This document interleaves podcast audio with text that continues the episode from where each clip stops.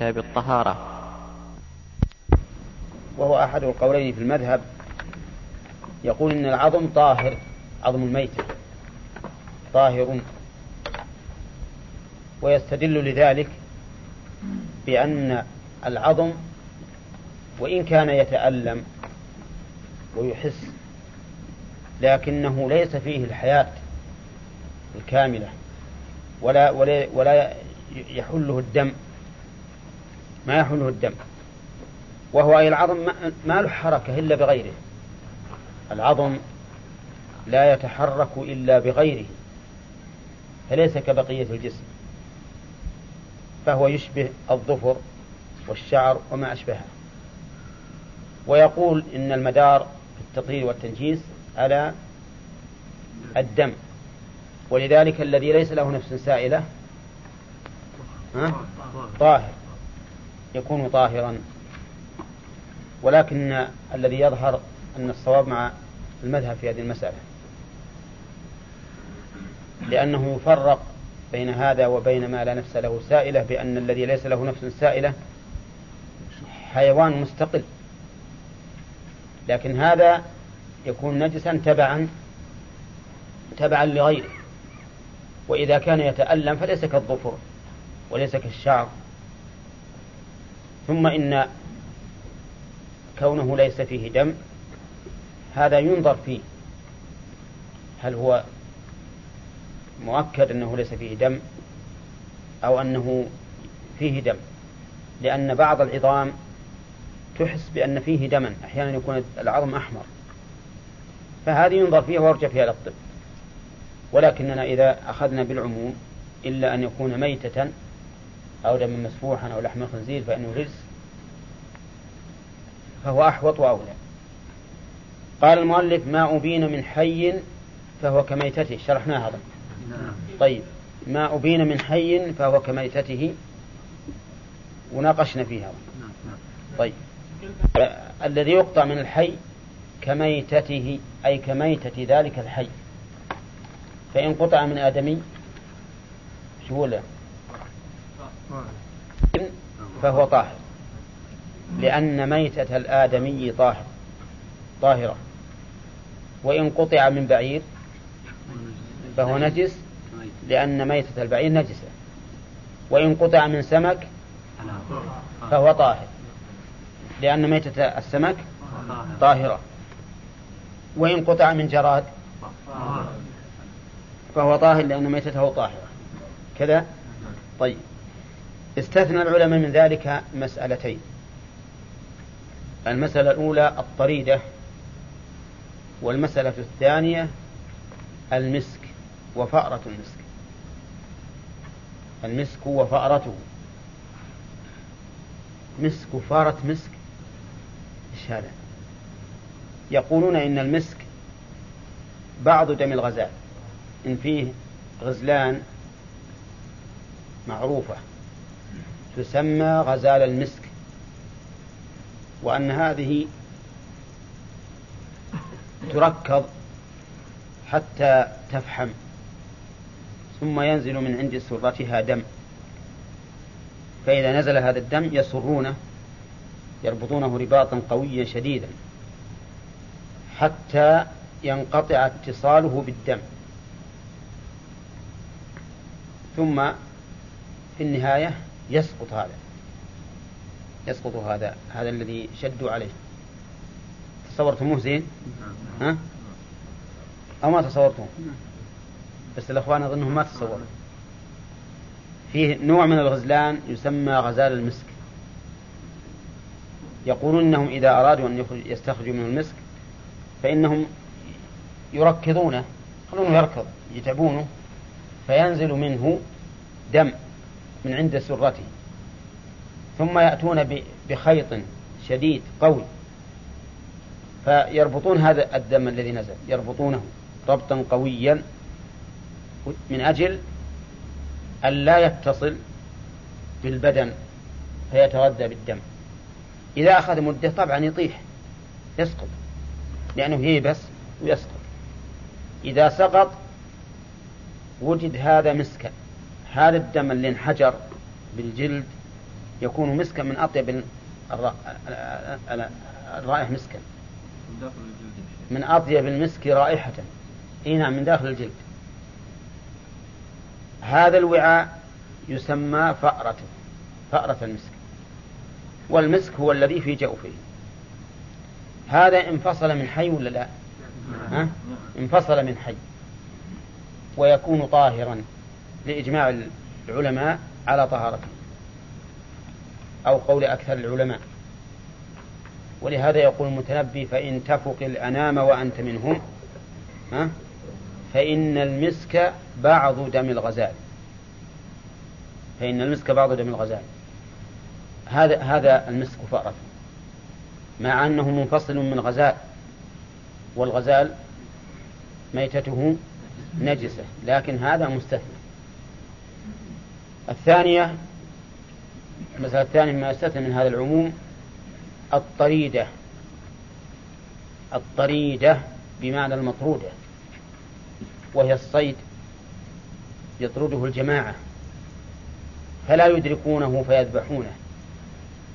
نعم ولكنهم يضربونه بأسيافهم أو خناجرهم ضربة رجل واحد فهذا يقص يده وهذا يقص رجله وهذا يقص رأسه وهذا يقص بطنه حتى يموت. هذه تسمى الطريدة بمعنى مطرودة. وليس فيها دليل عن الرسول عليه الصلاة والسلام إلا أن ذلك فعل فعل فعل الصحابة رضي الله عنهم. قال الإمام أحمد كانوا يفعلون ذلك في مغازيهم. ولا يرون به بأسا. والحكمة في هذا والله أعلم أن هذه الطريدة لا يقدر على ذبحها. لا يقدر على ذبحها. وإذا لم يقدر على ذبحها فإنها تحل بعقرها في أي موضع من بدنها. تجوا بالكم؟ صيد. الصيد إذا رميته في أي مكان ومات حلال. هذه هي نفس الشيء. إلا أن هذه قطعت قبل أن تموت. قال الإمام أحمد فإن بقيت يعني قطعنا رجلها ولكن هربت ما أدركناها. فإن رجلها حينئذ تكون حراما ونجسة لأننا ما أدركناها ولم تكن الآن صيدا فتكون حراما تكون حراما. طيب إذا القاعدة ما أبين من حي فهو كميتته وش تستثنى منها؟ مسألتان الأولى الطريدة والثاني المسك وفارة المسك. نعم. ثم قال المؤلف رحمه الله باب الاستنجاء. هذا الباب ذكر فيه المؤلف الاستنجاء وآداب قضاء الحاجة. الاستنجاء استفعال من النجو وهو في اللغة القطع. يقال نجوت الشجرة أي قطعتها وهو إزالة الخارج من السبيلين بماء أو حجر. وفي ذلك قطع لهذا النجس. هذا وجه تعلق الاشتقاق بالمعنى الاصطلاحي. فهو في اللغة من النجو وهو القطع.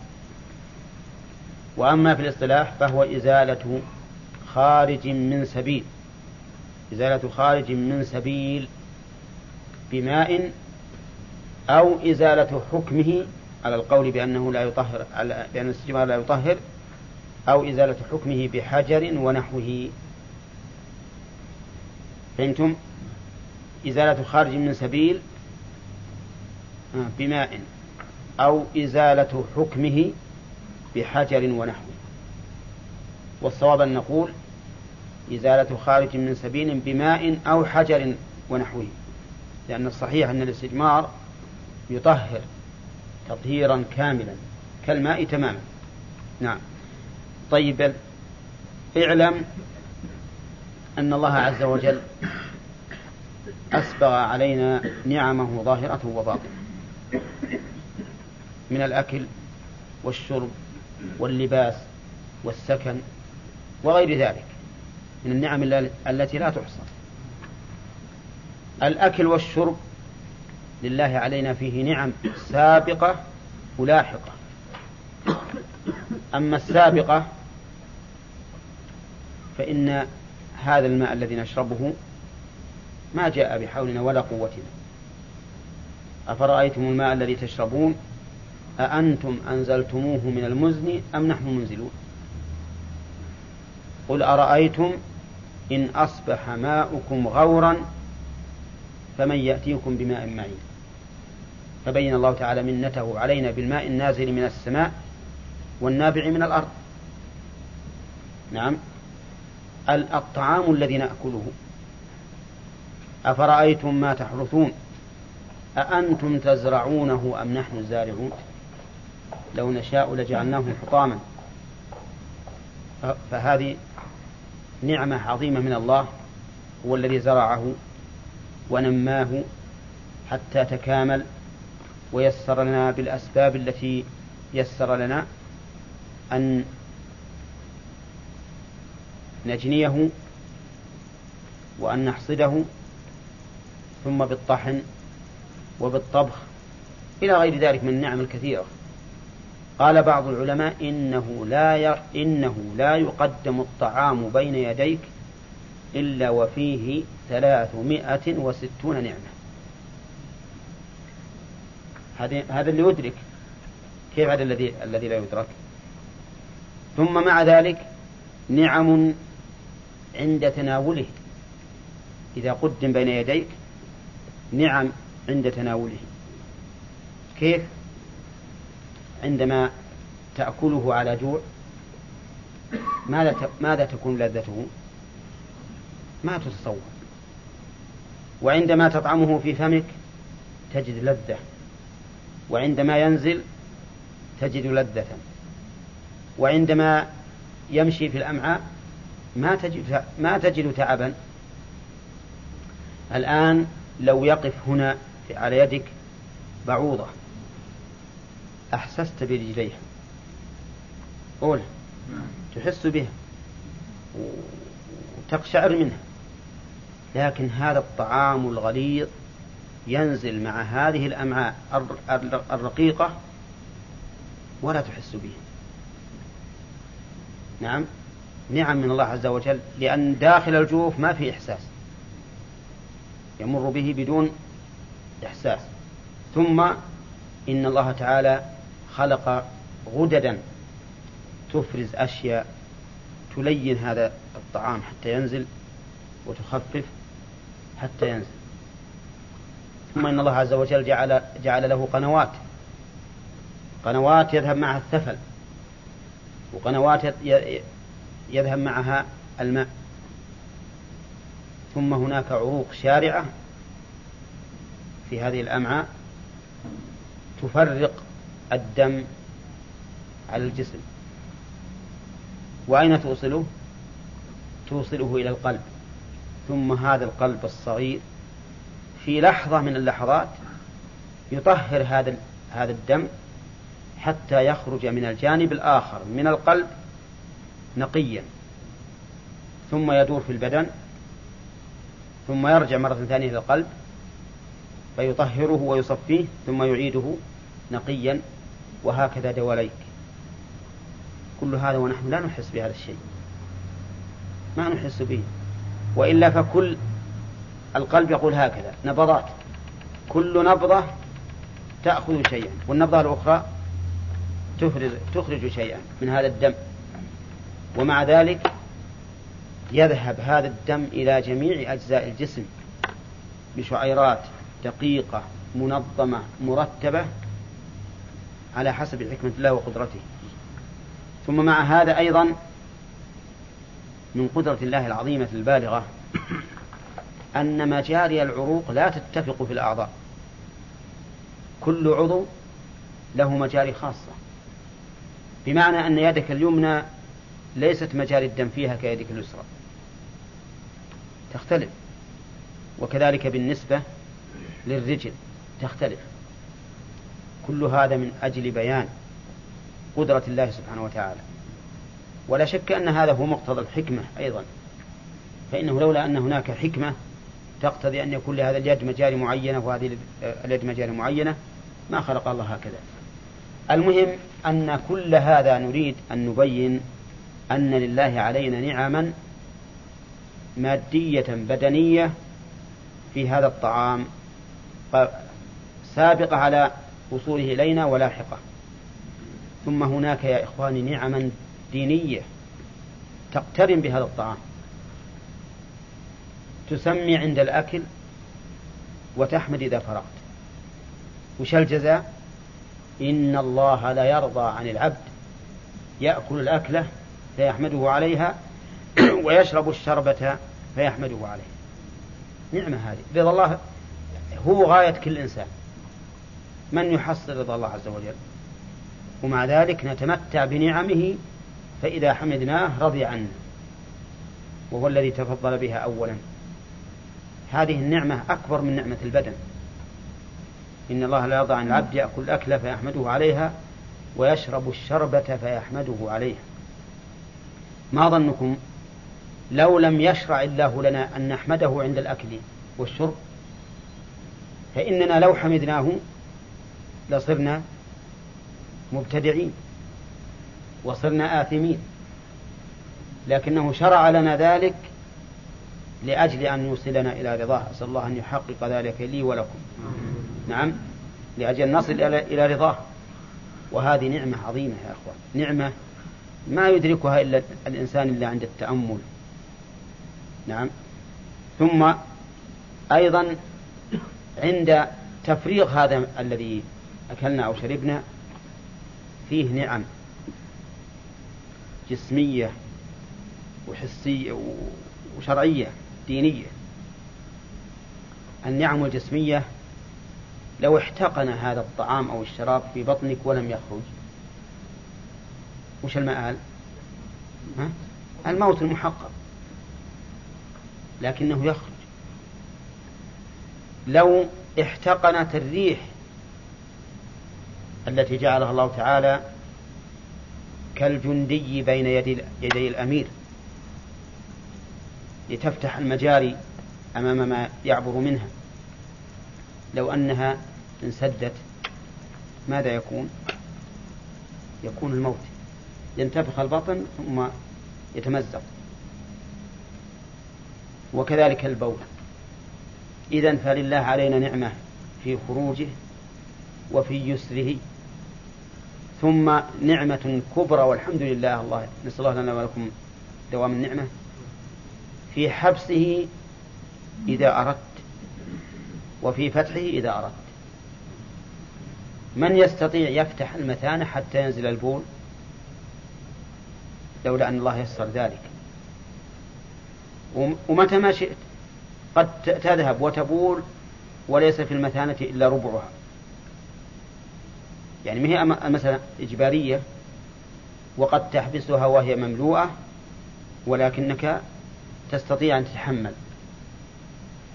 هذه من نعمة الله. ولا يعرف قدر هذه النعمة إلا من ابتلي بالسلس. نسأل الله السلامة. يعرف كيف قدر هذه النعمة. وكذلك بالنسبة إلى الخارج الآخر. فهذه نعم عظيمة. ومع ذلك هناك نعم دينية مقرونة بهذه النعمة. عند الدخول هناك ذكر مشروع يقربك إلى الله عز وجل. وعند الخروج ذكر مشروع يقربك إلى الله عز وجل. وعند الفعل عمل مشروع يقربك إلى الله. فتأمل كيف نعم الله عليك؟ سابغة شاملة واسعة دينية ودنيوية. وبهذا نعرف صدق هذه الآية الكريمة صدقا لا شبهة فيه إطلاقا. وإن تعدوا نعمة الله لا تحصوها. إن الله لغفور رحيم. يعني يغفر لنا ويرحمنا إذا لم نقم بشكر هذه النعم. وإن تعدوا نعمة الله لا تحصوها إن الإنسان لظلوم كفار. شوف بين حال الإنسان وحال, وحال الرب عز وجل. حال الرب عند هذه النعم العظيمة يقابل هذا الظلم والكفر بهذه النعم بماذا؟ بالمغفرة والرحمة. أما حال العبد فهي الظلم والكفر ولكن يقابل هذا والحمد لله المغفرة من رب العظيم والرحمة. نعم. نرجع الآن إلى كلام المؤلف وأنا قدمت هذه المقدمة لأن هذه المسائل ينبغي لنا أن نضعها على بالنا دائما حتى نعرف قدر النعم الكبيرة.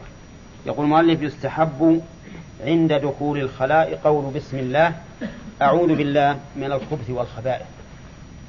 قال المؤلف يستحب. وقد اختلف الفقهاء رحمهم الله هل الاستحباب مرادف للمسنون أو هل المستحب مرادف للمسنون؟ أو المستحب ما ثبت بتعليل والمسنون ما ثبت بدليل. فاهمين هذا؟ مفهوم؟ يعني هل إذا قلت يستحب مرادف لقول يسن أو لا أقول يسن إلا فيما ثبت بدليل. وأما ما ثبت بتعليل فأقول فيه يستحب. فيه خلاف بين الأصوليين. فقال بعضهم إن الشيء الذي لا يثبت بدليل لا تقول فيه يسن يعني إذا قلت يسن معناه أثبته سنة وليس عندك دليل. أما الشيء الذي يثبت بتعليل ونظر واجتهاد فقل إنه يستحب. يستحب لأن الاستحباب ليس كالسنة بالنسبة لإضافته إلى الرسول عليه الصلاة والسلام. ولكن أكثرهم يقولون إنه لا فرق بين يستحب وبين يسن. ولهذا يعبر بعضهم بيسن ويعبر بعضهم بيستحب. القول الأول لا شك أنه أنه أقرب إلى الضبط. بأنك لا تعبر عن شيء لم يثبت بدليل لا تعبر عنه بيسن. لكن قل نستحب له ذلك نرى هذا مطلوبا وما أشبه ذلك. أما ما ذكر المؤلف هنا قول بسم الله أعوذ بالله من الخبث والخبائث فهذا سنة. سنة. أما قول بسم الله فهذا قد رواه علي بن أبي طالب رضي الله عنه عن النبي صلى الله عليه وسلم أنه قال ستر ما بين الجن وعورات بني آدم إذا دخلوا الكنيف أن يقولوا بسم الله. ستر. بين الجن والعورات. وأما أعوذ بالله من الخبث والخبائث فقد ثبت في الصحيحين من حديث أنس أن الرسول عليه الصلاة والسلام كان إذا دخل الخلاء قال أعوذ بالله من الخبث والخبائث. فائدة البسملة عرفناها ما هي؟ ستر. ستر العورة عن الجن. فائدة هذه الالتجاء إلى الله عز وجل من الخبث والخبائث خبث بالسكون. والخبائث. الخبث الشر. والخبائث النفوس الشريرة. يعني النفوس ذوات الشر. وهو أعم من الخبث بالضم والخبائث. لأن رواية الخبث الخبث جمع خبيث. والمراد به ذكران الشياطين.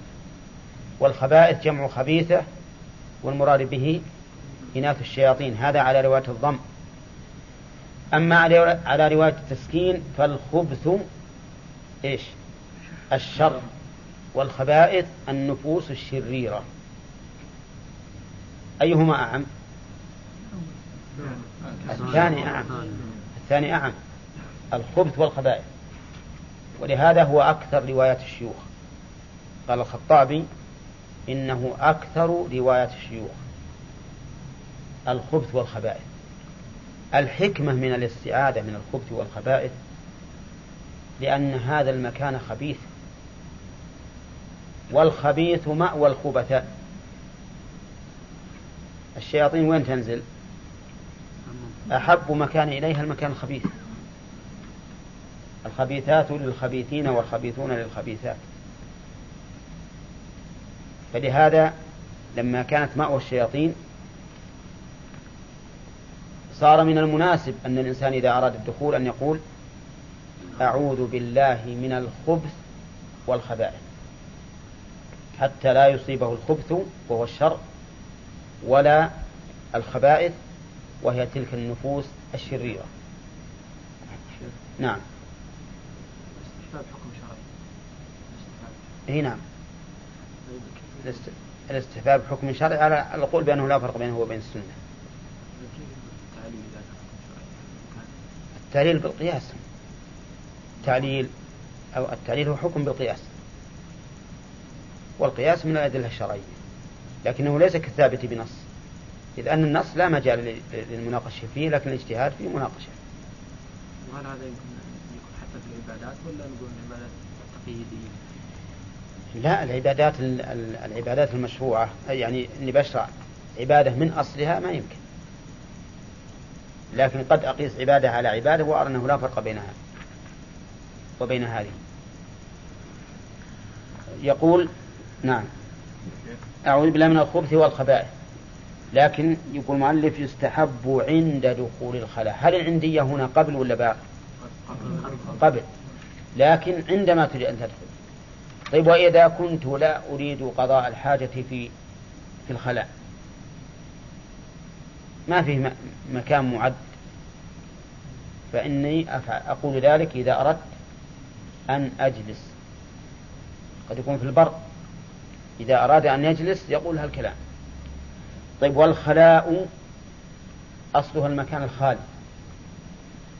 المكان الخالي ومناسبته هنا ظاهرة لأن هذا المكان لا لا لا يكون جامعا بين اثنين.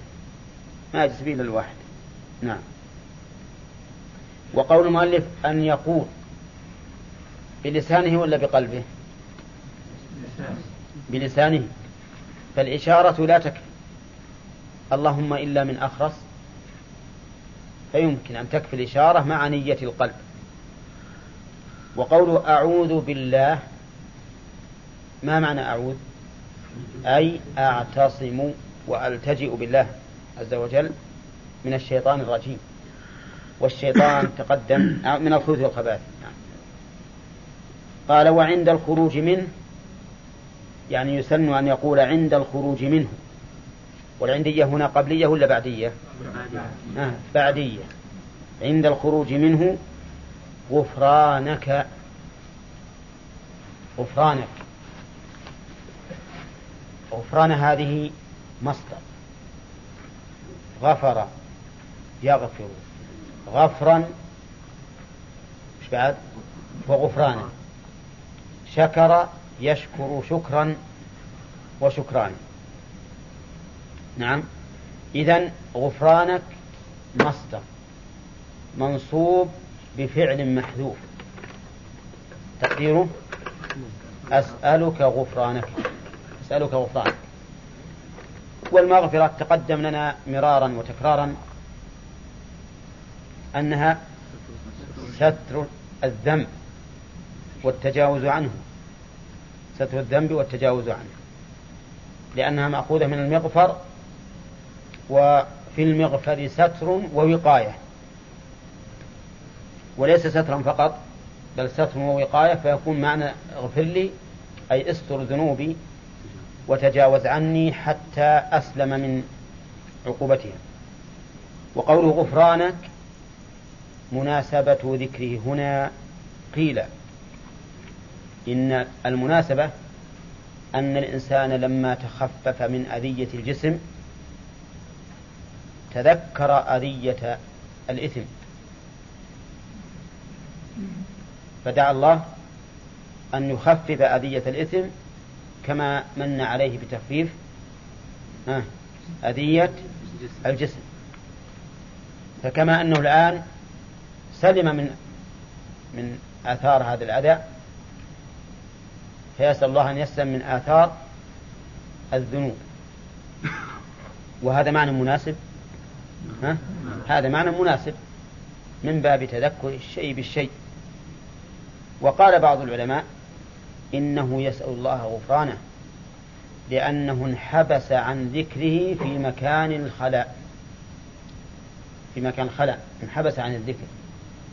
فيسأل الله أن يغفر له هذا الوقت الذي لم يذكر الله لم يذكر الله فيه. وفي هذا نظر هذا الأخير فيه نظر. لأنه إنما انحبس عن ذكر الله بأمر الله. وإذا كان بأمر الله فليس فلم يعرض نفسه للإثم بل عرض نفسه للمثوبة. ولهذا المرأة الحائض لا تصلي ولا تصوم. فهل يسن لها إذا طهرت أن تستغفر الله لأنها تركت الصلاة والصيام في أيام الحيض؟ أبدا. ما حد قاله ولا جاءت به السنة فتبين بهذا أن القول الصحيح أن المناسبة هو تذكر الإنسان حين خلا مما يؤذيه حسا أن يسأل الله تعالى أن يخليه مما يؤذيه شرعا أو معنى. نعم. أيضا نقول بأنه أن هذه نعمة من الله عز وجل أن يتخلص من هذا الأذى فإنه يستغفر الله على عدم يعني قيام بشكر هذه النعمة لا. النعمة تحتاج إلى الشكر. وإلا لقلنا كل نعمة ينعم الله بها عليك استغفر الله. ما نقول هكذا. نقول اشكر الله. بقي أن نقول هذا الحديث صحيح غفرانك. وأما الحمد لله الذي أذهب عنا داء وعافاني ففيه ضعف. الحمد لله الذي أذهب عني الأذى وعافاني. هذا حمد لله عز وجل على هذه النعم. أن الله أذهب عنه الأذى المؤذي وعافاه منين؟ ها؟ عافاه من آثاره لو بقي فأنت تسأل الله المغفرة وتحمد الله تعالى على النعمة يقول وتقديم رجله اليسرى دخولا ويمنى خروجا يعني يسن أن يقدم الإنسان رجله اليسرى عند الدخول. ويقدم رجله اليمنى إذا خرج. هذا نقول فيه يستحب ولا يسن؟ على القول بالفرق بينهما ها؟ في حديث في دليل؟ لا. هو ما هو الدليل؟ لا. لا. إن قلنا يجب التيامن قلنا قدم اليمنى. لكن نعم. لا. في هذه قياسية. هذه مسألة قياسية. يقولون إن اليمنى تقدم للمسجد. كما جاءت في السنة. واليسرى عند الخروج منه وهذا عكس المسجد. كذلك في النعل ثبت أن الرسول عليه الصلاة والسلام في الصحيح بل في الصحيحين أنه أمر لابس النعل أن يبدأ باليمنى أولا عند اللبس وباليسرى عند الخلق فقالوا هذا دليل على تكريم اليمنى. فإذا كانت اليمنى مكرمة يبدأ بها باللبس الذي فيه الوقاية ويبدأ باليسرى بالخلع الذي فيه إزالة الوقاية. ولا شك أن الوقاية تكريم. قالوا فإذا كانت اليمنى تقدم في باب التكريم واليسرى تقدم في عكسه كما دل في عليه السنة مثل في النعل قالوا فإنه ينبغي ها أن تقدم عند الدخول الخلاء اليسرى وعند الخروج اليمنى لأنه خرج إلى أكمل وأفضل من الخلاء.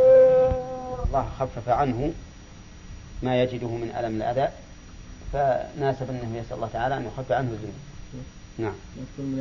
هذا مبتدأ درس اليوم. واعتماده على ها؟ لا. واعتماده على رجله اليسرى. يعني يسن عند قضاء الحاجة أن يعتمد على رجله اليسرى. نعم.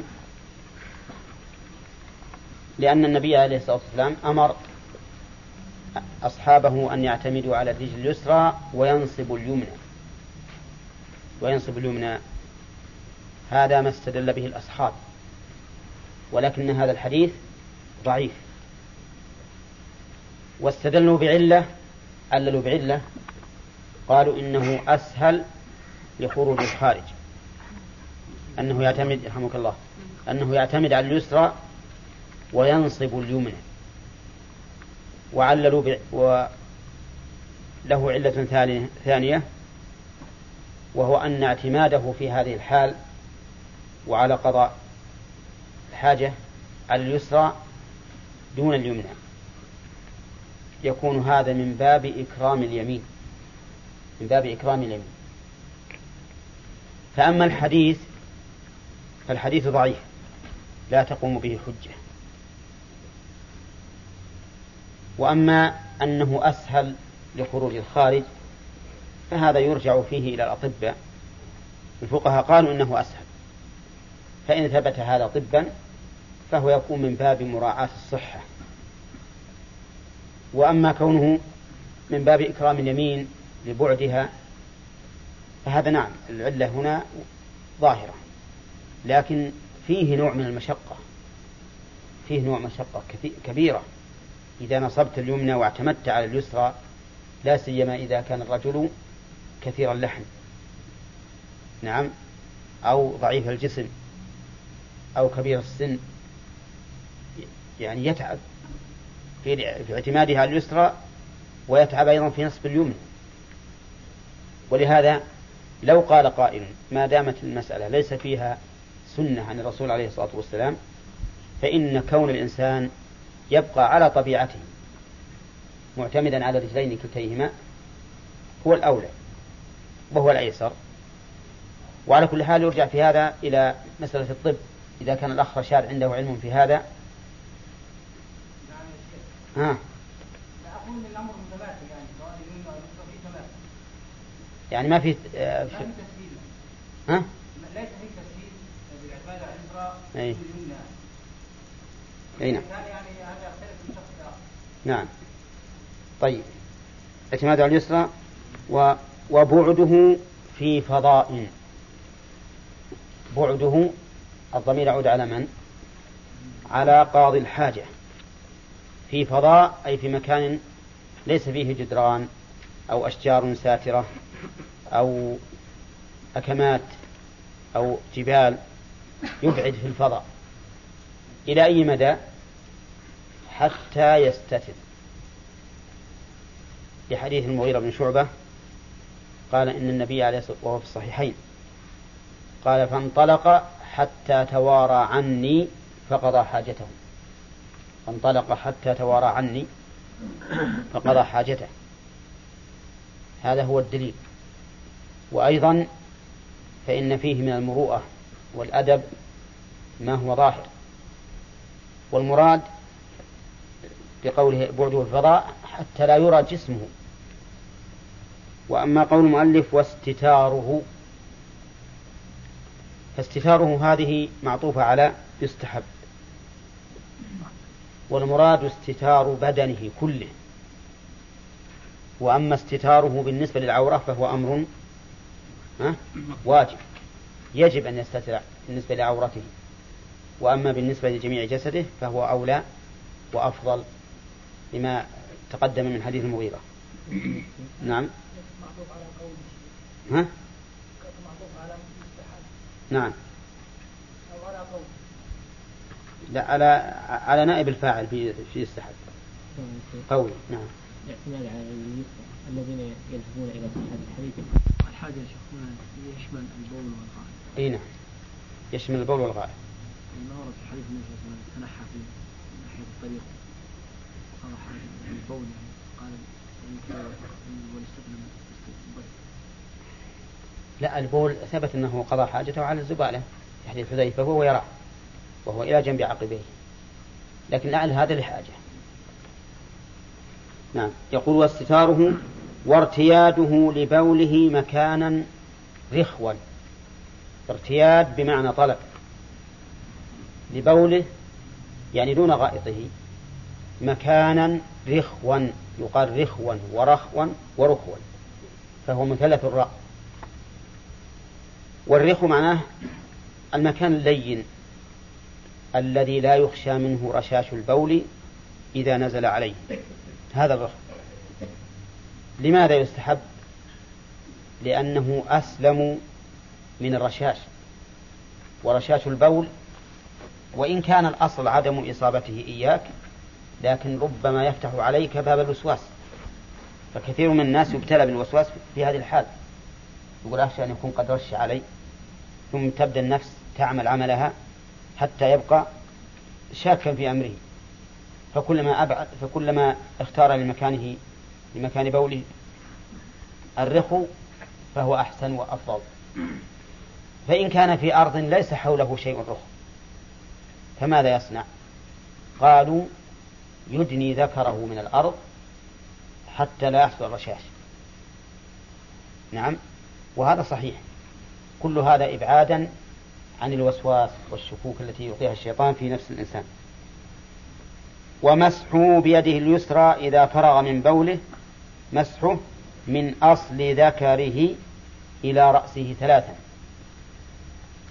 يعني يستحب أيضا أن يمسح إذا فرغ من البول من أصل الذكر وهو عند حلقة الدبر إلى رأسه ثلاث مرات. لماذا؟ قال لأجل أن يخرج ما تبقى في في القناة من البول. لأنه ربما يبقى بول فإذا قام أو تحرك نزل فمن أجل ذلك يحلبه. نعم؟ بأن يمسح عليه من عند حلقة الدبر إلى رأسه. نعم.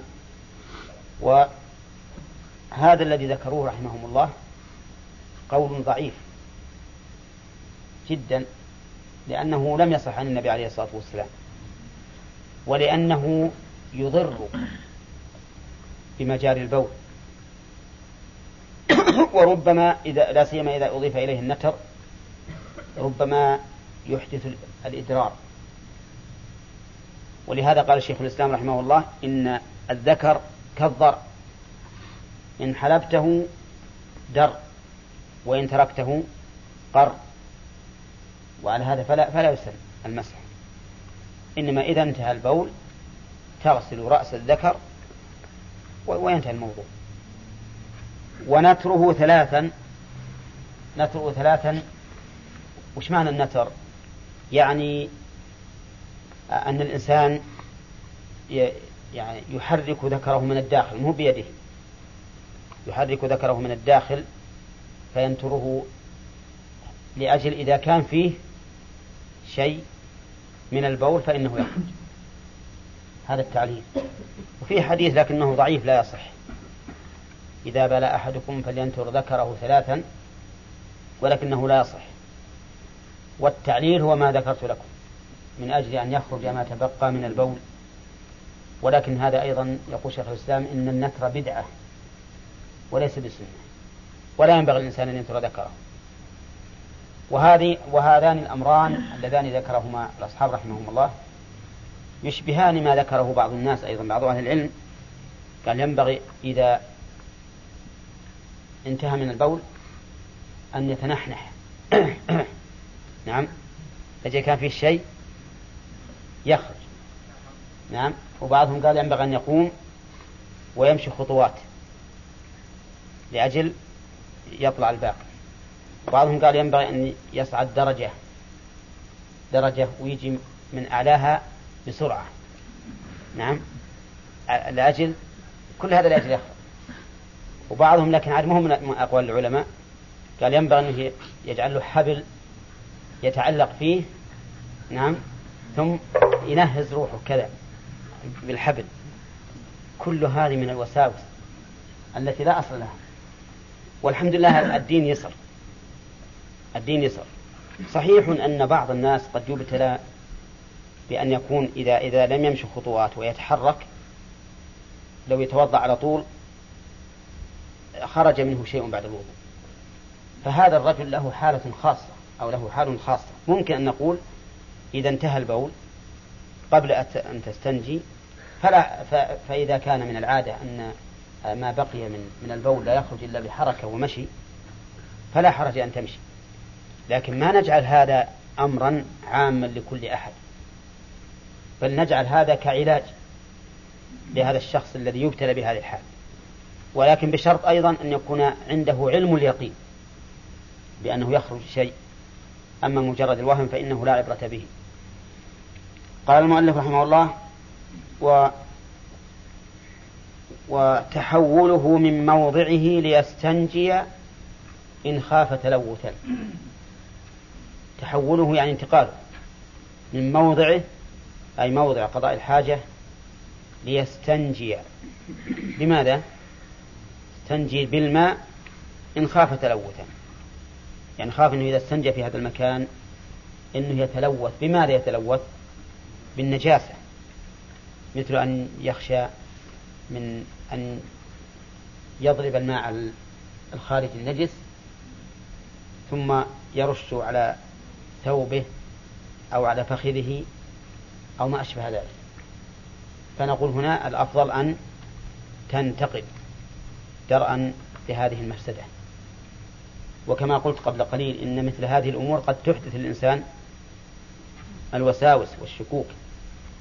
فإذا خاف أن يتلوث فلينتقل أما إذا كان لا يخاف كما يوجد الآن في الحمامات والحمد لله الشيء كله يمشي. نعم فإنه لا ينتقل لا يسن أن ينتقل بل يبقى ويستنجي في مكانه. قال ويكره دخوله بشيء فيه ذكر الله إلا لحاجة. هذا عندنا اعتماد إيش؟ واعتمادها على تقدير فقط؟ إيه، انتهينا منه. سمعت هذا الجزء أنا عارف بس أقول كذا عندنا.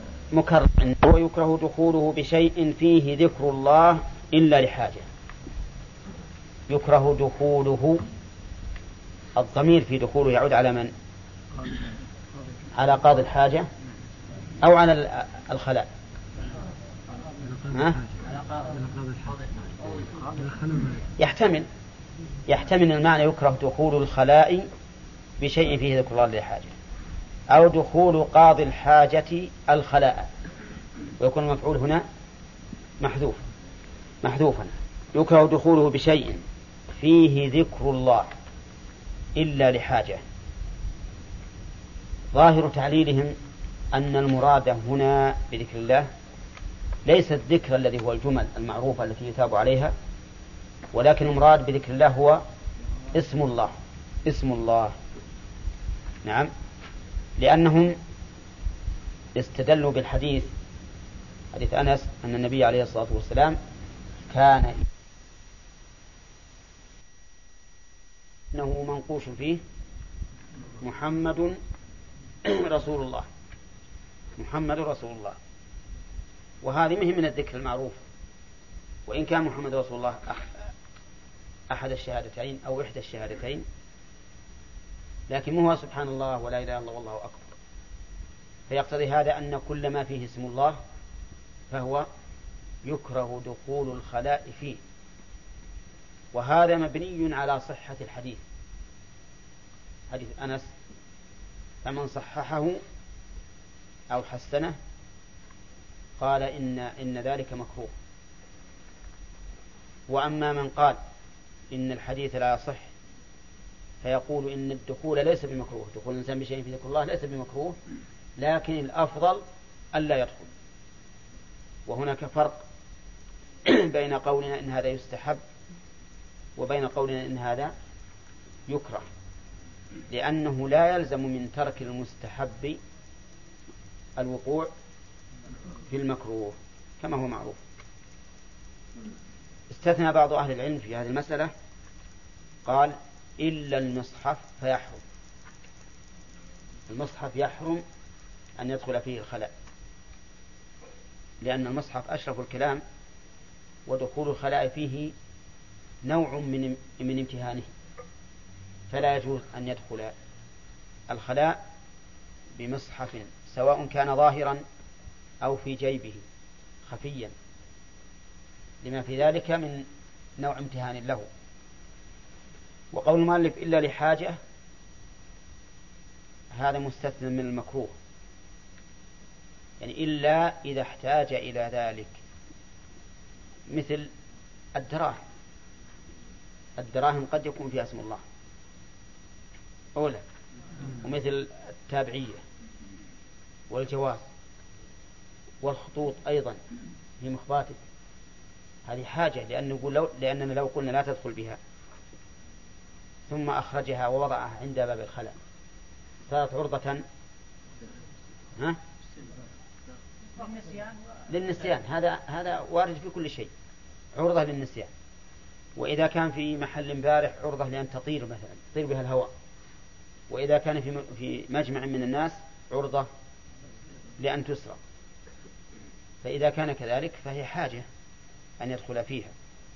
وكثيرا ما يضع الإنسان شيئا لا سيما إذا كان فيه آيات على أنه يبي إذا خرج أخذها ثم يخرج وينسى. فهذه حاجة. فإذا احتاج الإنسان إلى دخول شيء فيه ذكر الله فإنه يجوز له الدخول. طيب قلنا في المصحف إن بعضهم قال إنه حرام. فهل تبيح الحاجة دخوله فيه؟ أو نقول لا بد من الضرورة. المعروف أن المحرم لا تبيحه إلا الضرورة. ما تبيحه الحاجة. لكن مع ذلك قالوا إنه إذا خاف أن يسرق فلا بأس أن يدخل فيه. إذا خاف أن يسرق.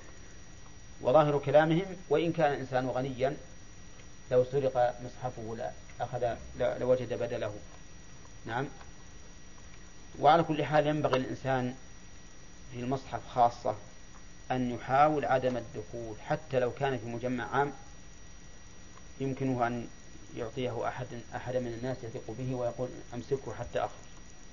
نعم. نعم. النبي صلى الله عليه وسلم نعم. ما يكون هو لئلا يباشر النجاة إنه عندما يتوضأ بيده لا. لأن الرسول عليه الصلاة والسلام كان يلبسه في اليمنى وفي اليسرى. نعم. في اليمنى وفي اليسرى. اليمنى ما تباشر النجاة. واليسرى. اليسرى تباشرها نعم.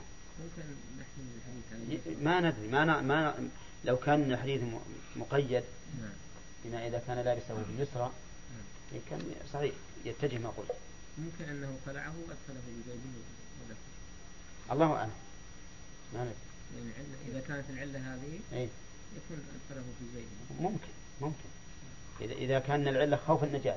نعم. فهو إذا أدخله في جيبه زال زالت العلة. نعم.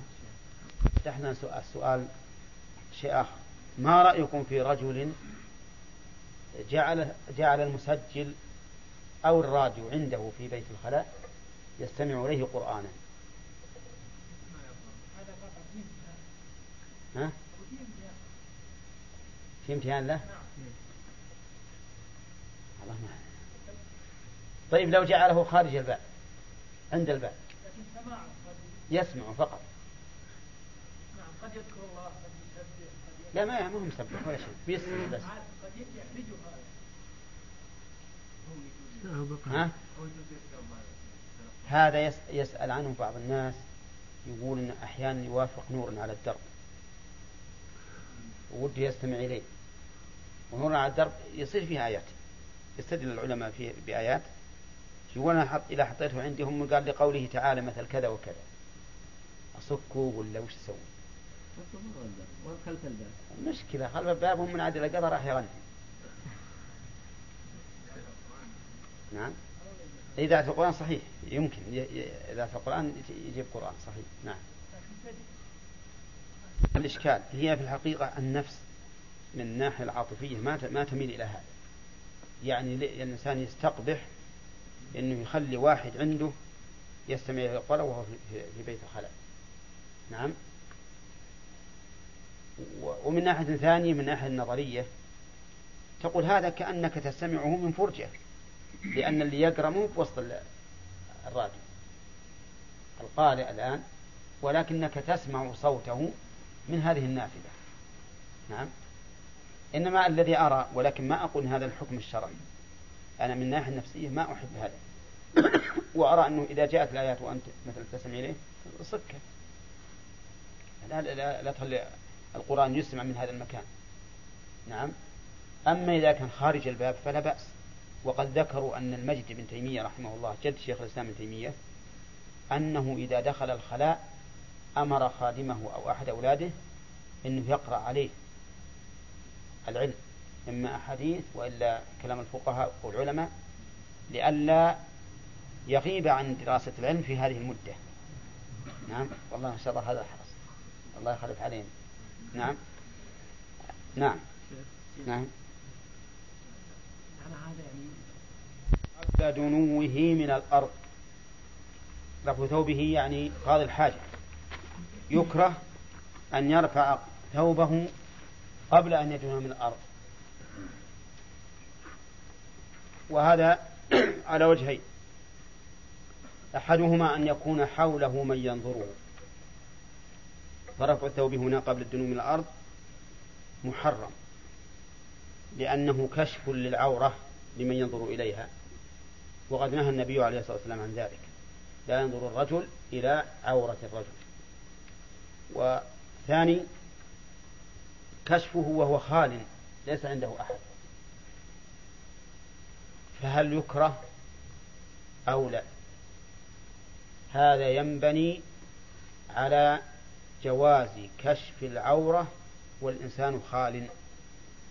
وفيه للعلماء ثلاثة أقوال الجواز والكراهة والتحريم.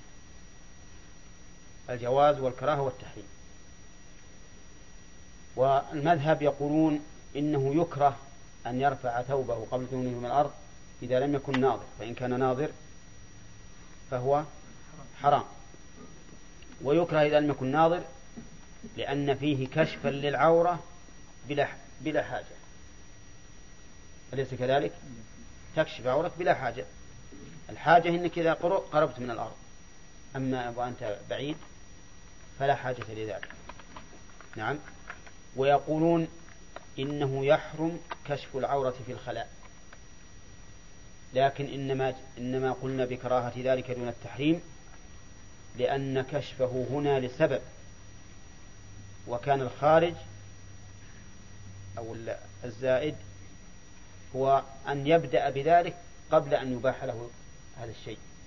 فلهذا يقولون إنه على سبيل الكراهة لا على سبيل التحريم. وقول المؤلف ورف ثوبه قبل دنوه من الأرض. إذا كان يريد أن يبول وهو قائم أن يبول وهو قائم. هذا يرفع ثوبه وهو واقف ولكن نقول إن القائم نعم دان من من من من, من قضاء الحاجة لأنه سيقضيها وهو قائم والبول قائما جائز لا سيما إذا كان لحاجة. ولكن بشرطين أن يأمن التلويث وأن يأمن الناظر. أن يأمن التلويث وأن يأمن الناظر.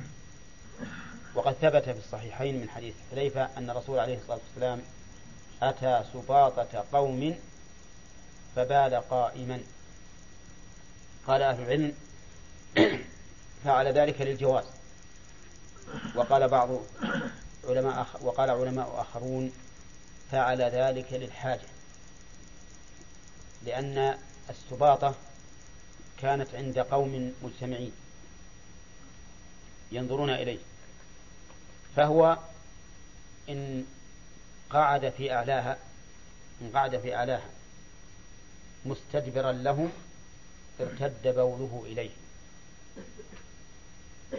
وإن قعد في أعلاها في أعلاها مستقبلا مستقبلا لها لهم فقد كشف عورته أمامه. فما بقي إلا أن يقوم قائما مستدبرا للقول فيكون في ذلك محتاجا إلى البول قائما. وأما حديث أنه أن ذلك كان لأثر في مأبضه فإنه ضعيف. وكذلك القول بأنه فعل ذلك لأن العرب يتطببون بالبول قائما من وجع الركب فهذا ضعيف. ولكن نعم يمكن العرب إذا أوجعتهم ركبهم عند الجلوس يمكن يبولون قياما للحاجة. هنا بالنسبة لك الذي يرفع ثوبه وهو قائم نعم. الناس ينظرون إليه نعم. وذكرت في الحديث لا ينظر الرجل إلى عورة الرجل. نعم. وهذا الحكم في الناظر. هنا يعني الحكم في الناظر يتعلق بالمنظور. صحيح. إذا كان يحرم النظر نعم. فلولا أن كشفها محرم نعم. ما حرم النظر. لولا أن هذا وجه الدلالة. لولا أن كشفها محرم ما حرم ما حرم النظر. ولهذا يجوز مثلا ينظر الإنسان إلى وجه الإنسان وإلى صدره وإلى منكبه لأنه يباح كشفه. ذكرنا قولا من أقوال الثلاثه نعم. الذي مره الكراهة والتحريم والجواز. الظاهر أنه الكراهة أقرب. أن الكراهة أقرب ولهذا كان ال- الذي عليه جنابه إذا أراد أن يغتسل يتوضأ وهو عار والوضوء هنا سنة وليس بواجب. ولو كان أن الخلوة يحرم فيها يعني كشف العورة لقلنا إنه لا يجوز لك أن تتوضأ إلا وأنت مستتر. ثم إذا جاء الغسل الذي لا بد فيه من خلع الثوب فاخلع. وقد يجاب بأن هذه المسألة لما أبيح له أن يكشف ثوبه هنا للاغتسال صار كشفه للوضوء تبعا. وهذه المسألة إن شاء الله تأتينا في العورة. ما حررتها هنا تحريرا بالغا تأتينا إن شاء الله في العورة. نعم. نعم. السباطة الز- الزبالة. كناسة. يعني هي في الغالب تكون مرتفعة لأن مجمع ال- الكنائس. يكنس يعني. ويكره أيضا كلامه فيه. يكره كلامه أي كلام قاضي الحاجة فيه أي في الخلاء. يكره. نعم. وما هو الدليل على الكراهة؟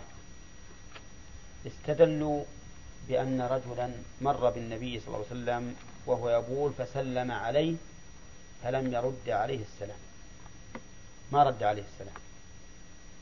قالوا ولو كان ولو كان الكلام جائزا لرد عليه السلام لأن رد السلام ها واجب. لكن مقتضى هذا الدليل أو هذا الاستدلال مقتضى التحريم أنه يحرم أن يتكلم وهو على قضاء حاجته. ولهذا لما ذكر صاحب النكت المفلح لما ذكر هذه المسألة قال وظاهر استدلالهم يقتضي التحريم. نعم وهو أحد القولين في المسألة على أن كلام الإنسان وهو على حاجته محرم لا يجوز. أما إذا كان اثنين ينظر أحدهما الآخر ويتحدثان فهو حرام بلا شك. بل إن ظاهر الحديث الوارد فيه لولا ما فيه من المقال لكان ظاهره أنه من كبائر الذنوب. لأن الرسول عليه الصلاة والسلام أخبر أن الرجلين إذا فعل ذلك فإن الله يمقت عليه والمقت أشد البغض وهذا يقتضي أن يكون من الكبائر. إنما الكلام المجرد هذا يكره والاستدلال بالحديث كما سمعتم. لكن لو قال قائل إن الاستدلال بالحديث يقتضي التحريم لأنه ترك واجبا وترك الواجب لا يباح إلا إذا كان الشيء محرما. لكن أجاب العلماء عن ذلك أجابوا بو- بجوابين. الجواب الأول قالوا إن هذا المسلم على قاضي الحاجة لا يستحق ردا. لأنه لا ينبغي السلام على قاضي الحاجة. حطوا بالك هذا جواب. الجواب الثاني أن الرسول عليه الصلاة والسلام ما ترك الواجب. لأنه بعد أن انتهى رد عليه السلام واعتذر منه. فالرسول علم بأنه سي بأنه سيرد عليه. وغاية ما فيه أنه أجل الرد. لأنه ليس على طهر. أما الوجه الأول الوجه الأول فضعيف. قولهم لأنه سلم عليه وهو لا لا يستحق الرد في هذه الحال. لأن الرسول عليه الصلاة والسلام ما علل عدم السلام ها؟ بأنك سلمت في حال لا, لا, تستحق الرد وأما الثاني فنعم. الثاني أن الرسول عليه الصلاة والسلام ما ترك الرد تركا مطلقا ورغم فيه أنه أجله. وهذا لا يستلزم القول بالتحريم. ولكن مع ذلك إذا احتاج إلى أن يتكلم نعم كما لو انتهى الماء الذي يستنجي به قضى يستنجي به ولا يقدر يقوم الآن. يستنجي ما يقدر يقوم الإنسان.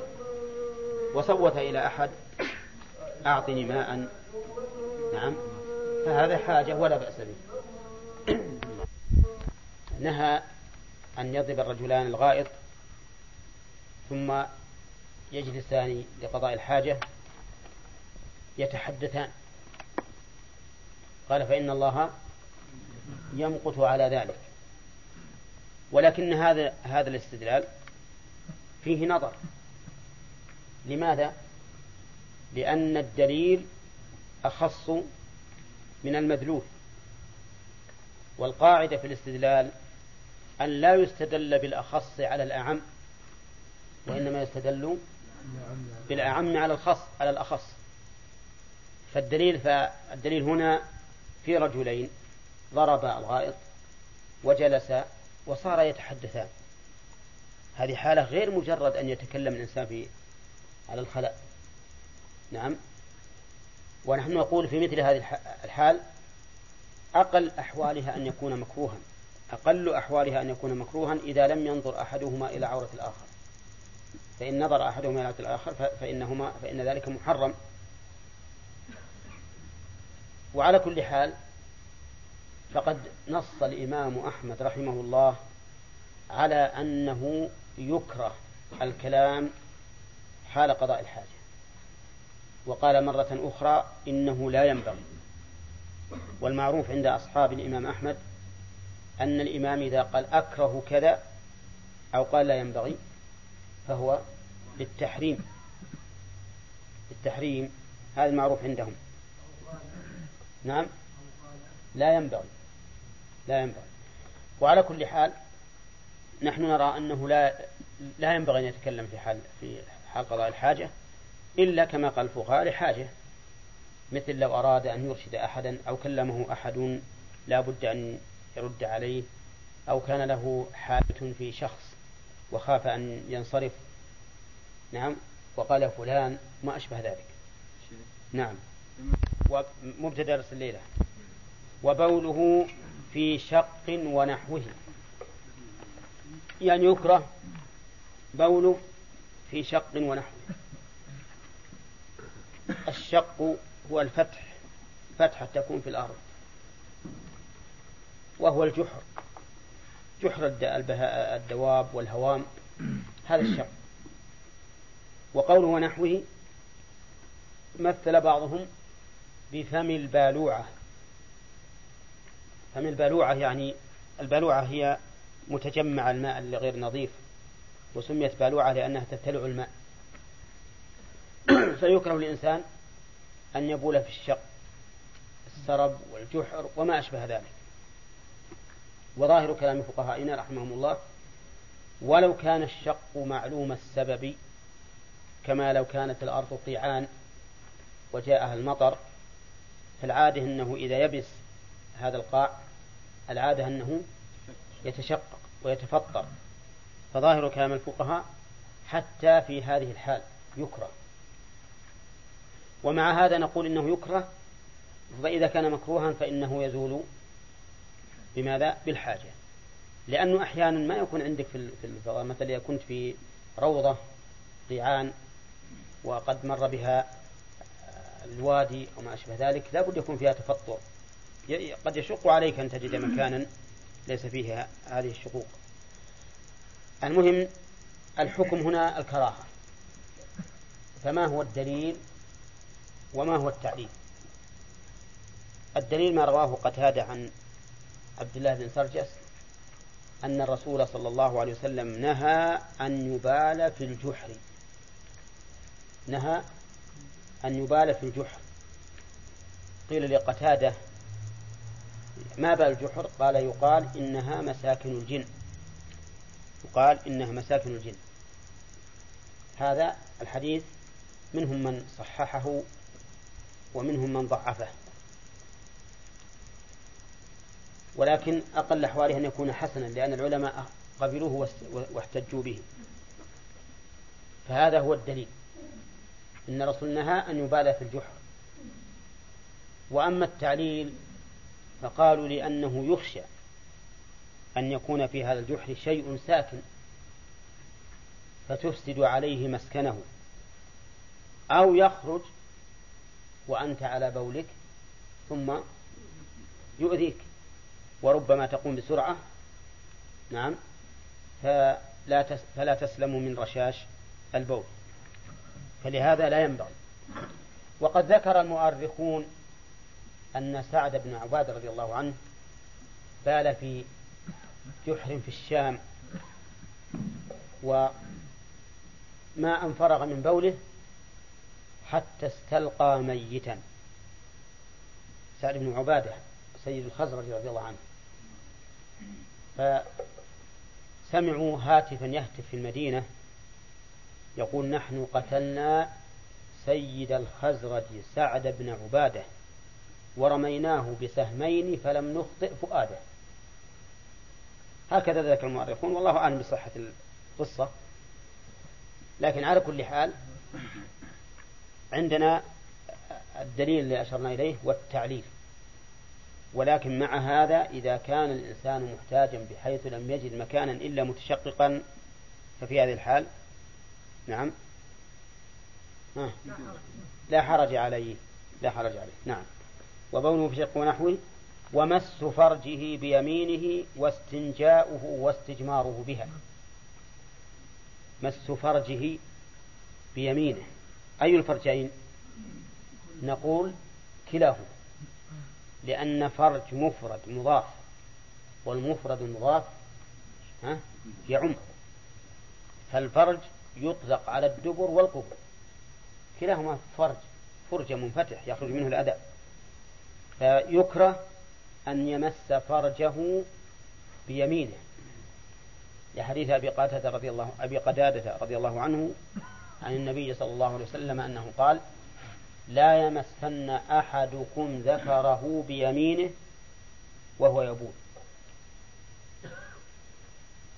هذا الدليل. لا يمسن أحدكم ذكره بيمينه وهو يبول. وعلى هذا فالدليل هو نهي الرسول عليه الصلاة والسلام. ولكن تأملوا معي الحديث يقول وهو يبول. والجملة هنا حال من فاعل يمسن يعني في حال البول. إذا لم يكن يبول هل يكره مس فرجه؟ ها؟ نشوف. القيد هذا اختلف فيه أهل العلم. هل هو قيد مراد بمعنى أنه أن النهي وارد على ما إذا كان يبول؟ فقط لأنه إذا كان يبول فربما تتلوث يده. بماذا؟ بالبول.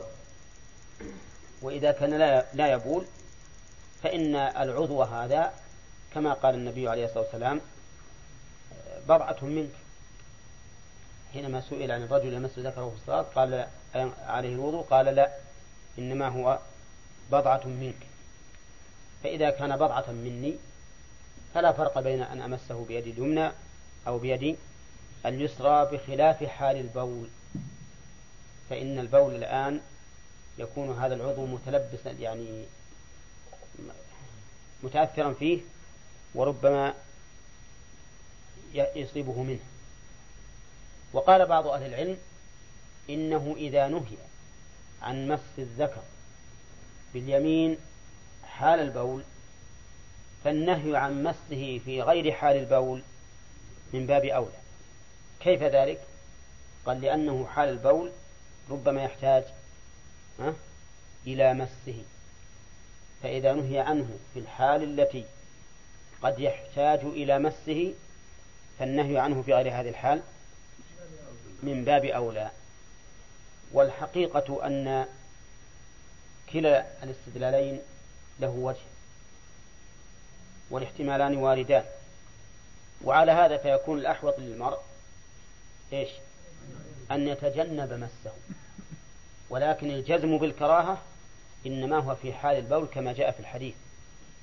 وفي غير حال البول محل احتمال والحمد لله إذا لم يكن هناك داع ففي اليد اليسرى غنية عن اليد اليمنى. وأما قوله استجمع باليسرى أقول استجمع باليسرى. طيب آه، دقيقة واستنجاؤه واستجماره بها. طيب نحن ذكرنا الدليل عن مس الفرج باليمين. فما هو التعليل؟ التعليل إكراما لليمين. إكراما لليمين لأن اليمين محل الإكرام ولذلك يؤكل بها ويشرب بها ويؤخذ بها ويعطى بها. قال واستنجاؤه واستجماره بها نعم.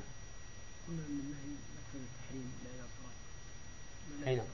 الظاهر أن, أن فيها خلاف قليل أكثر العلماء على أنه الكراهة. أكثر العلماء أنه الكراهة. والذي ينبغي الإنسان أن يتجنبه إلا لحاجة.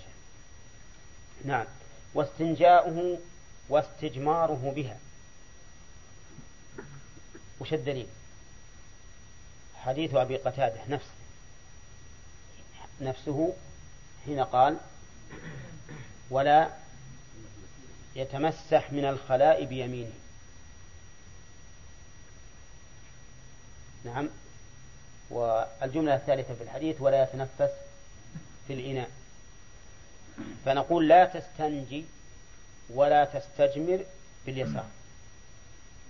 ما الفرق بين الاستنجاء باليمين؟ باليمين نعم. باليمين. ما الفرق بين الاستنجاء والاستجمار؟ الاستنجاء بالماء والاستجمار بالحجر ونحوه فهو مكروه. أن يستنجي الإنسان بيمينه أو أن يستجمر بيمينه.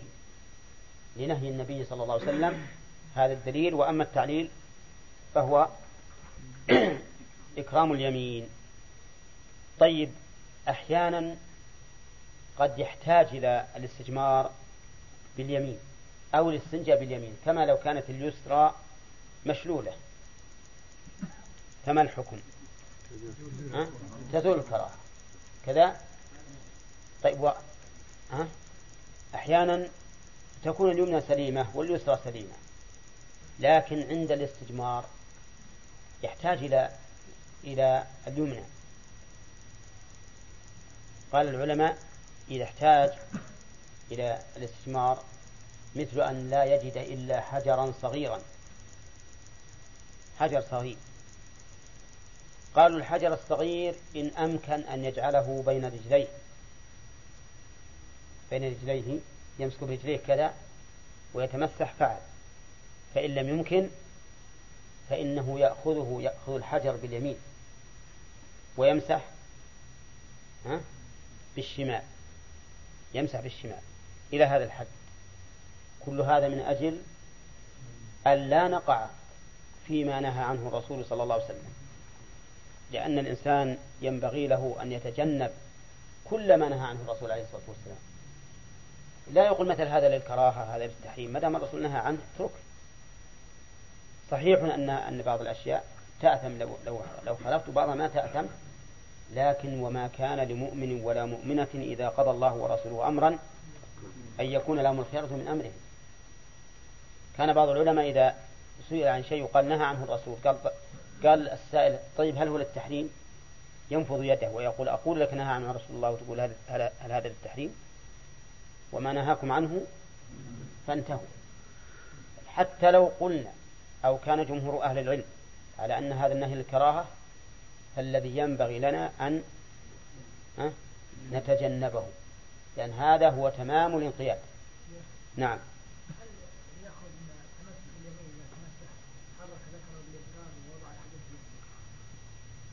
إي نعم. لا هو أهون.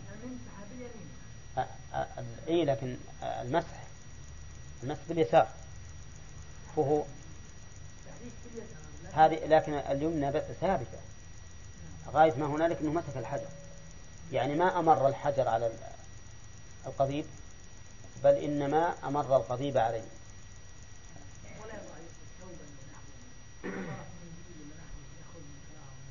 يضعه إيش؟ ما يمس مس مباشر من وراء هل يعتبر لا هو أصلا ما مسه. ما مس الذكر لما لما لما أمسك الحجر الصغير. ما مس الذكر اطلاقا. ما في مس الذكر. الذكر اللي مس اللي مسته اليسرى. ومسحت ها؟ أقول في خطورة من البول يعني. لا هو على كل حال هذه ما ما في خطورة الحقيقة البول انتهى انقطع وقف. ثم قال واستقبال النيرين. هذه استقبال معطوفة على إيش؟ على يكره؟ لا ها؟ لا. سبحان الله. على دخول. على دخوله. يكره دخوله بشيء في ذكر ثم عطف لأن الصحيح أن العطف يكون على ما تسلط عليه العامل مباشرة. أولى. إذا يقول قام زيد وعمرو وبكر وخالد وعلي ومحمد وعبد الله ها؟ من يكون وين عبد الله يعطف عليه؟ على زيد على الأول يعني العطف يكون على أول معمول أو أول أول معمول سواء فاعل ولا مفعول تسلط عليه العامل لماذا؟ لأن البقية فروع وتوابع ما هي أصول ولو بغير الواو كل شيء قال واستقبال النيرين. ما هما النيران؟ الشمس والقمر. الشمس والقمر. يكره أن يستقبلهما الإنسان حال قضاء الحاجة. الدليل؟ لا دليل. التعليل لما فيهما من نور الله. هذا التعليل. لما فيهما من نور الله يكره أن تستقبلهما. والحقيقة أن أن أن ما فيهما من النور ليس هو نور الله الذي هو صفته بل فيهما نور مخلوق. وفي النجوم نور مخلوق. ولا لا؟ لو لو كنت في مكان ما فيه أنوار كهربائية بعض النجوم تشاهد ظلك. يعني لها لها نور ينعكس. نعم؟ فإذا قلنا بهذا قلنا إذن كل شيء يكون فيه نور وإضاءة حتى من النجوم يكره استقباله وفي هذا نظر. ثم نقول إن هذا التعليل مع كونه عليلا هو مصادم للنص. فإن الرسول عليه الصلاة والسلام قال لا تستقبلوا القبلة بغائط ولا بول ولا تستدبروها ولكن شرقوا أو غربوا ومعلوم أن من شرق والشمس طالعة ها سيستقبلها. أو غرب والشمس عند الغروب سيستقبلها. والرسول عليه الصلاة والسلام ما قال إلا أن تكون الشمس أو القمر بين أيديكم فلا تفعلوا. فعلم من هذا أن القول الصحيح في هذه المسألة القول الثاني. وهو أنه لا يكره استقبال الشمس والقمر في حال قضاء الحاجة. وذلك لعدم الدليل بل ولثبوت الدليل الدال على ها؟ على الجواز. طيب. واستقبال ويحرم استقبال القبلة واستدبارها في غير بنيان. هذا أظن أول موضع نصل إليه فيما يتعلق بالقبلة. نعم. استقبال القبلة واستدبارها حال قضاء الحاجة محرم. حرام. ما الدليل؟ الدليل حديث أبي أيوب رضي الله عنه أن النبي صلى الله عليه وسلم قال لا تستقبلوا القبلة بغائط ولا بول ولا تستدبروها. ولكن شرقوا أو غربوا. قال أبو أيوب رضي الله عنه فقدمنا الشام فوجدنا مراحيض قد بنيت نحو الكعبة فننحرف عنها ونستغفر الله. نعم هذا هو الدليل. لا تستقبلوا. والأصل في النهي التحريم. وقوله صلى الله عليه وسلم لا تستقبلوا القبلة ولا تستدبروها ولكن شرقوا يفيد أن الانحراف اليسير لا يكفي. لأنه قال لا تستقبلوا ثم أرشد إلى أمر آخر وهو التشريق أو التغريب. ومن المعلوم أن قوله شرقوا أو غربوا لقوم إذا شرقوا أو غربوا لا يستقبلون القبلة ولا يستدبرونها. مثل أهل المدينة. أهل المدينة قبلتهم الجنوب. فإذا شرقوا أو غربوا صارت القبلة إما على أيمانهم أو عن شمائلهم. لكن في مثل مكاننا هذا لو أننا شرقنا أو غربنا لاستقبلنا القبلة. فعلى هذا نقول في قوم إذا شرقوا أو غربوا استقبلوا القبلة يقول ولكن ها أشملوا أو أجنبوا أي نعم. كما قال الرسول هنا شرقوا أو غربوا طيب. إذا الدليل هذا الحديث.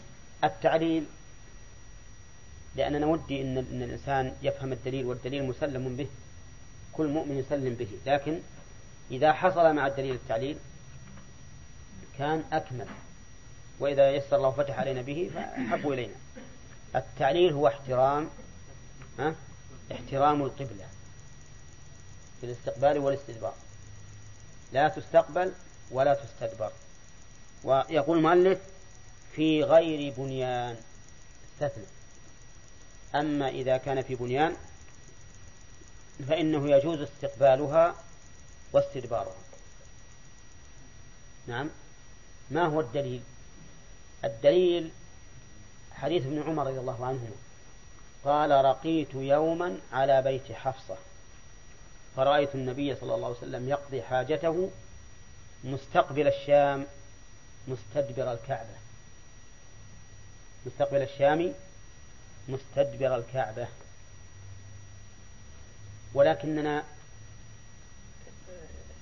ننظر هل هذا الحديث يوافق كلام المؤلف أو لا. قال في غير بنيان يعني في البنيان يجوز استقبالها ويجوز استدبارها.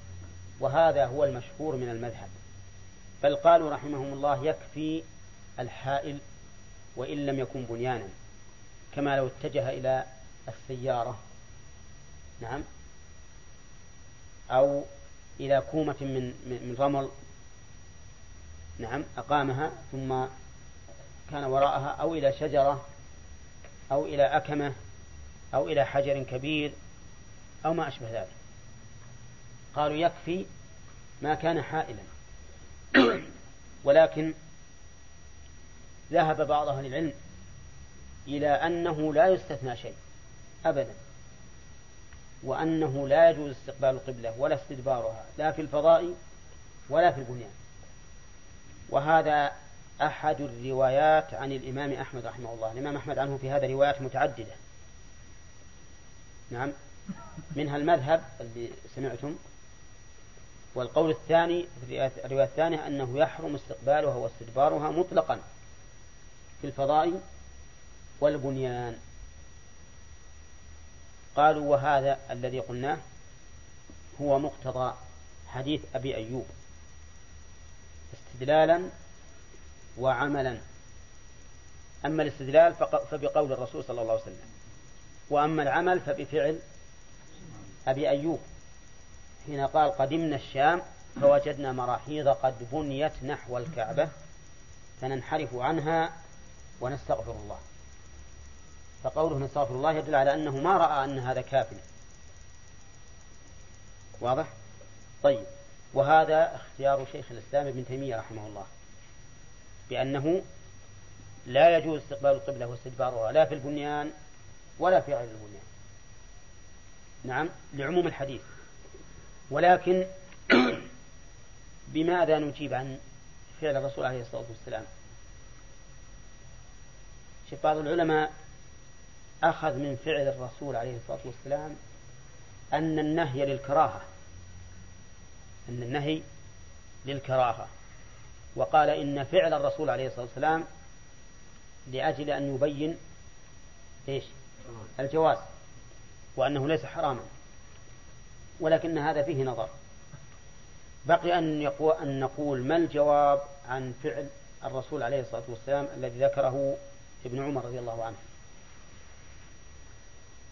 بعضهم قال إنه يحمل على ما قبل النهي. يرجح عليه النهي لأن النهي ناقل عن الأصل. كيف نقل عن الأصل؟ ها؟ وش الأصل؟ الأصل جواز أنك تستقبل ما شئت. هذا الأصل. إلا إذا جاء منع. فيقولون إن حديث أبي أيوب ناقل عن الأصل والناقل عن الأصل مقدم عليه. هذا وجه. الجواب الثاني أن حديث أبي أيوب قول. وحديث ابن عمر فعل. والفعل لا يمكن أن يعارض القول. لأن فعل الرسول عليه الصلاة والسلام يحتمل الخصوصية. يحتمل هذا خاص به. ويحتمل النسيان. أنه نسي عليه الصلاة والسلام. هذا وارد ولا غير وارد؟ نعم وارد. ولكنه الحقيقة أما احتمال الخصوصية فمردود. لأن الأصل الاقتداء. والتأسي به.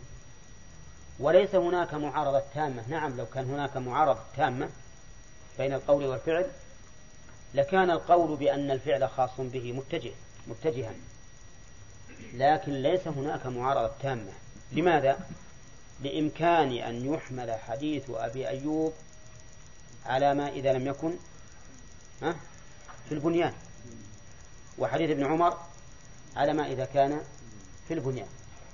وكلما أمكن الجمع بين قول الرسول عليه الصلاة والسلام وفعله فإنه هو الواجب.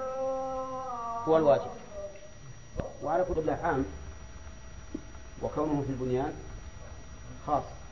ولهذا نقول القول الراجح في هذه المسألة أنه يجوز في البنيان استدبار القبلة دون استقبالها. لأن النهي عن الاستقبال محفوظ ما في تفصيل النهي عن الاستقبال محفوظ ليس فيه تخصيص. والنهي عن الاستدبار نعم. مخصوص بالفعل. مخصوص بالفعل. هذه من جهة. ومن جهة أخرى الاستدبار أهون من الاستقبال. استدبار الإنسان للقبلة أهون من استقبالها. ولهذا جاء والله أعلم التخفيف فيه في, في, في فيما إذا كان الإنسان في البنيان. نعم. أولا أنه ضعيف الحديث. ضعيف نعم. والثاني قبل أن يكون بعام نعم. ما هو صريح بأنه بأنه في الفضاء والبنيان. قد يكون في البنيان. ما هو صريح. ولا ظاهره النسخ. ظاهره أن, الأول قبل أن يموت بعام ثم رأيت يستقبلها ظاهره أن الاستقبال بعد النهي.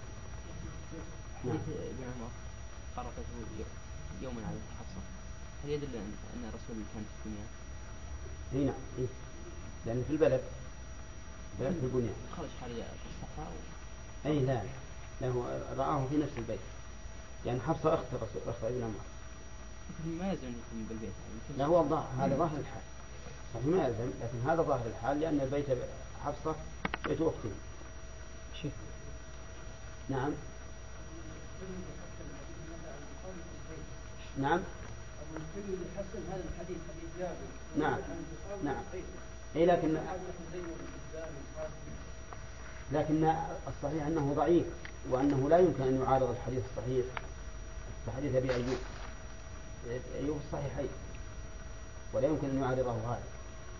ثم إن المعنى الذي من أجله نهي عنه المعنى الذي من أجله نهي عنه لا زال قائما ليس هذا معنى يمكن أن يزول فينسخ فما دام النهي, كما أن علة النهي باقية فإن النسخ لا, لا يمكن أن يكون. كما أنه لا يمكن أن ينسخ استقبال القبلة في حال الصلاة. لأن المعنى الذي احترم احترام القبلة هذا لا يمكن أن يزول. هذا وجه ضعف هذا المثل نعم؟ أي لكن يخففه أنه في البنيان وأنه استدبار. والبنيان مو مثل الفضاء. هذا اللي يخففه. نعم. نعم. وننحرف عنها ونستغفر نعم. يدل على أن فيه ذنب. إلا إحنا قلنا من كلام أبي أيوب. أن أبا أيوب فهم أن النهي للتحريم لأنه لا استغفر إلا من ذلك